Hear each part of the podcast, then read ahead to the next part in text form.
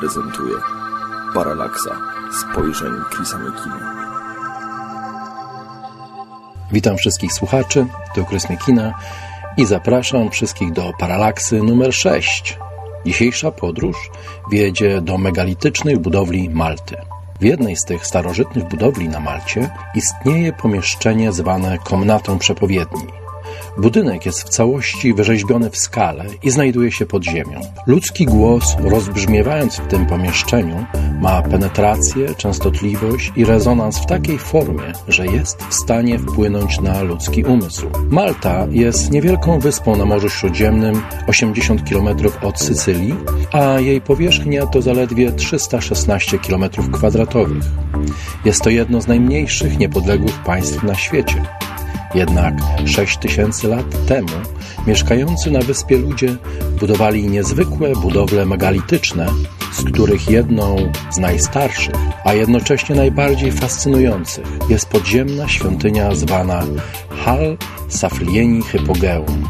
Zaplanowanie i wyrzeźbienie takiego budynku w litej skale wraz z kolumnami i rozmaitymi wnękami wymagało nie tylko wiedzy inżynieryjnej, ale także precyzji wykonawców. Jakby tego było mało, ostatnie badania budynku wykazały, że został on stworzony po to, aby stymulować dźwięk. W miesięczniku Popular Archaeology opisano to tak, cytuję.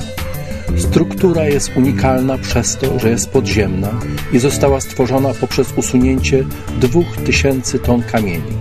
Niskie głosy rozbrzmiewające w jej ścianach produkują niepokojące, wibrujące echo, a dźwięk słów wypowiedzianych w odpowiednich miejscach hypogeum jest doskonale słyszalny na wszystkich trzech piętrach budynku. Koniec cytatu. Naukowcy sugerują, że wibracja określonych dźwięków stworzonych wewnątrz hypogeum jest w stanie zmienić funkcjonowanie mózgu tych, którzy znajdują się w zasięgu głosu. Podobne badania przeprowadzono w budowlach megalitycznych Newgrange w Irlandii, a także w Peru, również stwierdzając, że budowle te emitują określone częstotliwości dźwięków. Podejrzewa się, że miejsca te miały podobne znaczenie i właściwości jak hypogeum na Malcie. Wciąż nie wiadomo, kim byli ci, którzy zbudowali na tej wyspie taką niezwykłą strukturę, zwłaszcza, że podobnie interesujących miejsc jest na Malcie znacznie więcej. Podczas prac wykopaliskowych natrafiono na kamienny krąg, który wyglądem i jakością obróbki kamieni przypomina kręgi w Gebekli Tepe. Te jednak są co najmniej dwa razy starsze od wszystkiego, co można znaleźć na tej skalistej śródziemnomorskiej wyspie. Podpowiada to nam jednak, że przez 6 tysięcy lat istniało coś, co może powstało pod wpływem czegoś więcej niż tylko ewoluujące pomysły Homo sapiens. Niezwykłe właściwości dźwiękowe hypogeum badała pod koniec lat 90. Amerykanka Linda Eney pracująca dla organizacji All Temples Study Foundation w Sarasocie na Florydzie. Po raz pierwszy odwiedziła ona Hypogeum w 1990 roku i od razu zafascynowało ją niezwykłe zjawisko głosowe wewnątrz świątyni, które pozostało niezmienione od 6 tysięcy lat. Była zaskoczona faktem, że świat nie miał niemalże pojęcia o istnieniu tego miejsca. Dziś całe jej życie poświęcone jest poznawaniu i zrozumieniu budowli megalitycznych na Malcie, a budowle te są starsze niż egipskie piramidy. Za najstarsze uznawane są budowle zwane Gigantia na wyspie Gozo, których wiek ocenia się na 3700 lat przed naszą erą. Na Malcie jest co najmniej 23 miejsca, w których znajdują się megalityczne budowle na powierzchni Ziemi. Do tego doliczyć trzeba miejsca takie jak Hypogeum, które znajdują się pod ziemią. Hypogeum jest unikalne także dlatego, że wejście do niego zablokowano i ukryto jeszcze w starożytności, by ponownie odkryć je dopiero w 1902 roku. W czasach, kiedy Linda Eney dokonywała swoich pierwszych eksploracji, miejsce to było niestrzeżone i dostępne dla każdego. Kiedy pokazano jej komnatę wróżbity po raz pierwszy, usłyszała ona legendę e, związaną z Hypogeum, która mówiła, że jedynie męski głos można było bez przeszkód usłyszeć w każdym zakątku budowli. Za to żeński głos nie przenosił się wcale. Linda Eney szybko sprawdziła, że legenda jest absolutnie prawdziwa. Miejsce, z którego przemawiał wróżbita, jest ściśle oznaczone w hypogeum. Jest nim nisza wycięta w tylnej części komnaty, która działa jak akustyczny wzmacniacz. W jaki sposób ludzie tworzący to niezwykłe miejsce znali zasady akustyki? Według mitów wiedza ta została przekazana im przez bogów. Zakładając, że to samo źródło wiedzy mieli ludzie, którzy zbudowali Gebekli Tepe, istniała ona już ponad 12 tysięcy lat temu.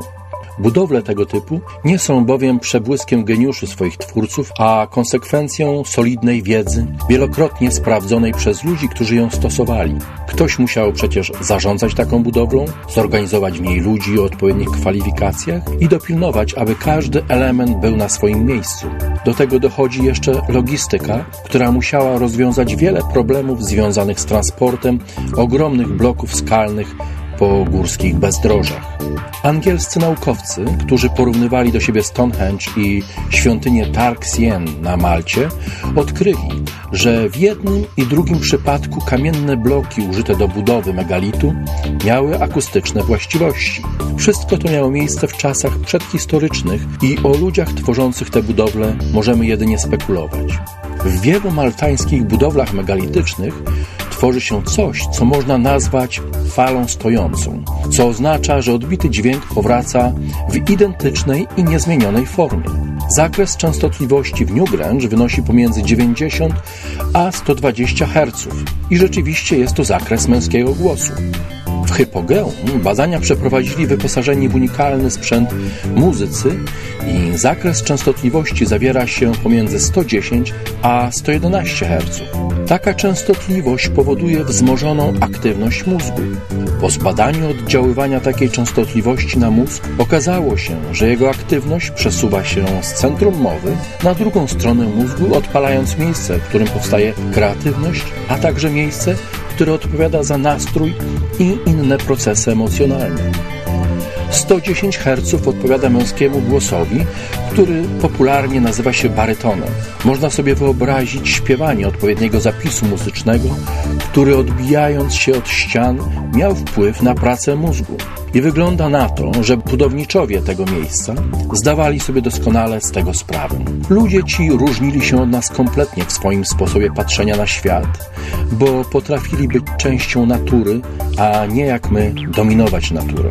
Wapień, który został użyty do budowy tych miejsc, ma ogromne akustyczne właściwości i zdawali sobie z nich sprawę już starożytni Grecy, wykładając tym kamieniem swoje słynne amfiteatry. Można odnieść wrażenie, że kamienie były rozumiane przez starożytnych jako kości ziemi i dzięki nim mogli oni rozmawiać ze swoimi bogami. Ludzkie ciało jest złożone z większości z wody, więc jest przystosowane do odbierania najmniejszej nawet wibracji dźwiękowej. Linda Eney bada oddziaływanie dźwięków na ciśnienie krwi i temperaturę skóry i inne procesy fizjologiczne zachodzące w ludzkim ciele. Taka niezwykła uwaga, jaką starożytni poświęcali dźwiękom, każe zupełnie inaczej patrzeć na tamten zaginiony już świat, gdzie dźwięk pełnił niewątpliwie niezwykle ważną rolę. Dwa miesiące temu Steven Waller, znany jako archeoakustyk, opublikował artykuł, w którym omawia sposoby, w jaki dźwięk mógł być stosowany dawno temu. Szczególnie interesuje go Stonehenge. Napisał on, cytuję: Odnoszę wrażenie, że kiedy starożytni mieszkańcy Anglii maszerowali dookoła dwóch flecistów grających na polu, odbierali oni fale dźwiękowe w rozmaitych formach, natrafiając na strefy, gdzie dźwięk był cichszy lub głośniejszy. Patrząc na to z lotu ptaka, wyglądałoby to jak szprychy koła. Maszerując dookoła, za każdym razem natrafia się na miejsca tłumiące dźwięk i ma się wrażenie, że znajduje się w tym miejscu jakiś zasłaniający flecistów obiekt. Koniec cytatu. Waller przeprowadził praktyczny eksperyment, rzeczywiście umieszczając w szczerym polu dwóch flecistów, dookoła których krążyli ludzie, którzy mieli przepaski na oczach. Nie mieli pojęcia o naturze miejsca, w którym się poruszają. Ludzie ci zapisywali na diagramie swoje doznania, zaznaczając miejsca, w których dźwięk był cichszy, a w których głośniejszy. Za każdym razem ludzie ci byli zaskoczeni, że po zdjęciu opaski zobaczyli przed sobą zupełnie puste pole. Mając opaski na oczach, byli przekonani, że poruszają się dookoła miejsca wypełnionego elementami, które zagłuszają dźwięk fletów. Istnieje więc coś w ludzkim umyśle, co poprzez odbiór dźwięków zmienia ludzką świadomość. Najwyraźniej wiedzieli o tym twórcy Hypogeum i innych megalitycznych budowli na Malcie, potrafiąc w konkretny sposób wpłynąć na myślenie swoich współplemieńców. Dźwięk, częstotliwość i wibracja odgrywały więc ogromną rolę wiele tysięcy lat temu. Pytanie jednak brzmi, jaka to była rola? Dziękuję wszystkim za uwagę. Zdjęcia Hypogeum można zobaczyć na mojej stronie nowaatlantyda.com. Mówił Krys Kina. Do następnego razu. Cześć. Produkcja i realizacja Portal Infra www.infra.org.pl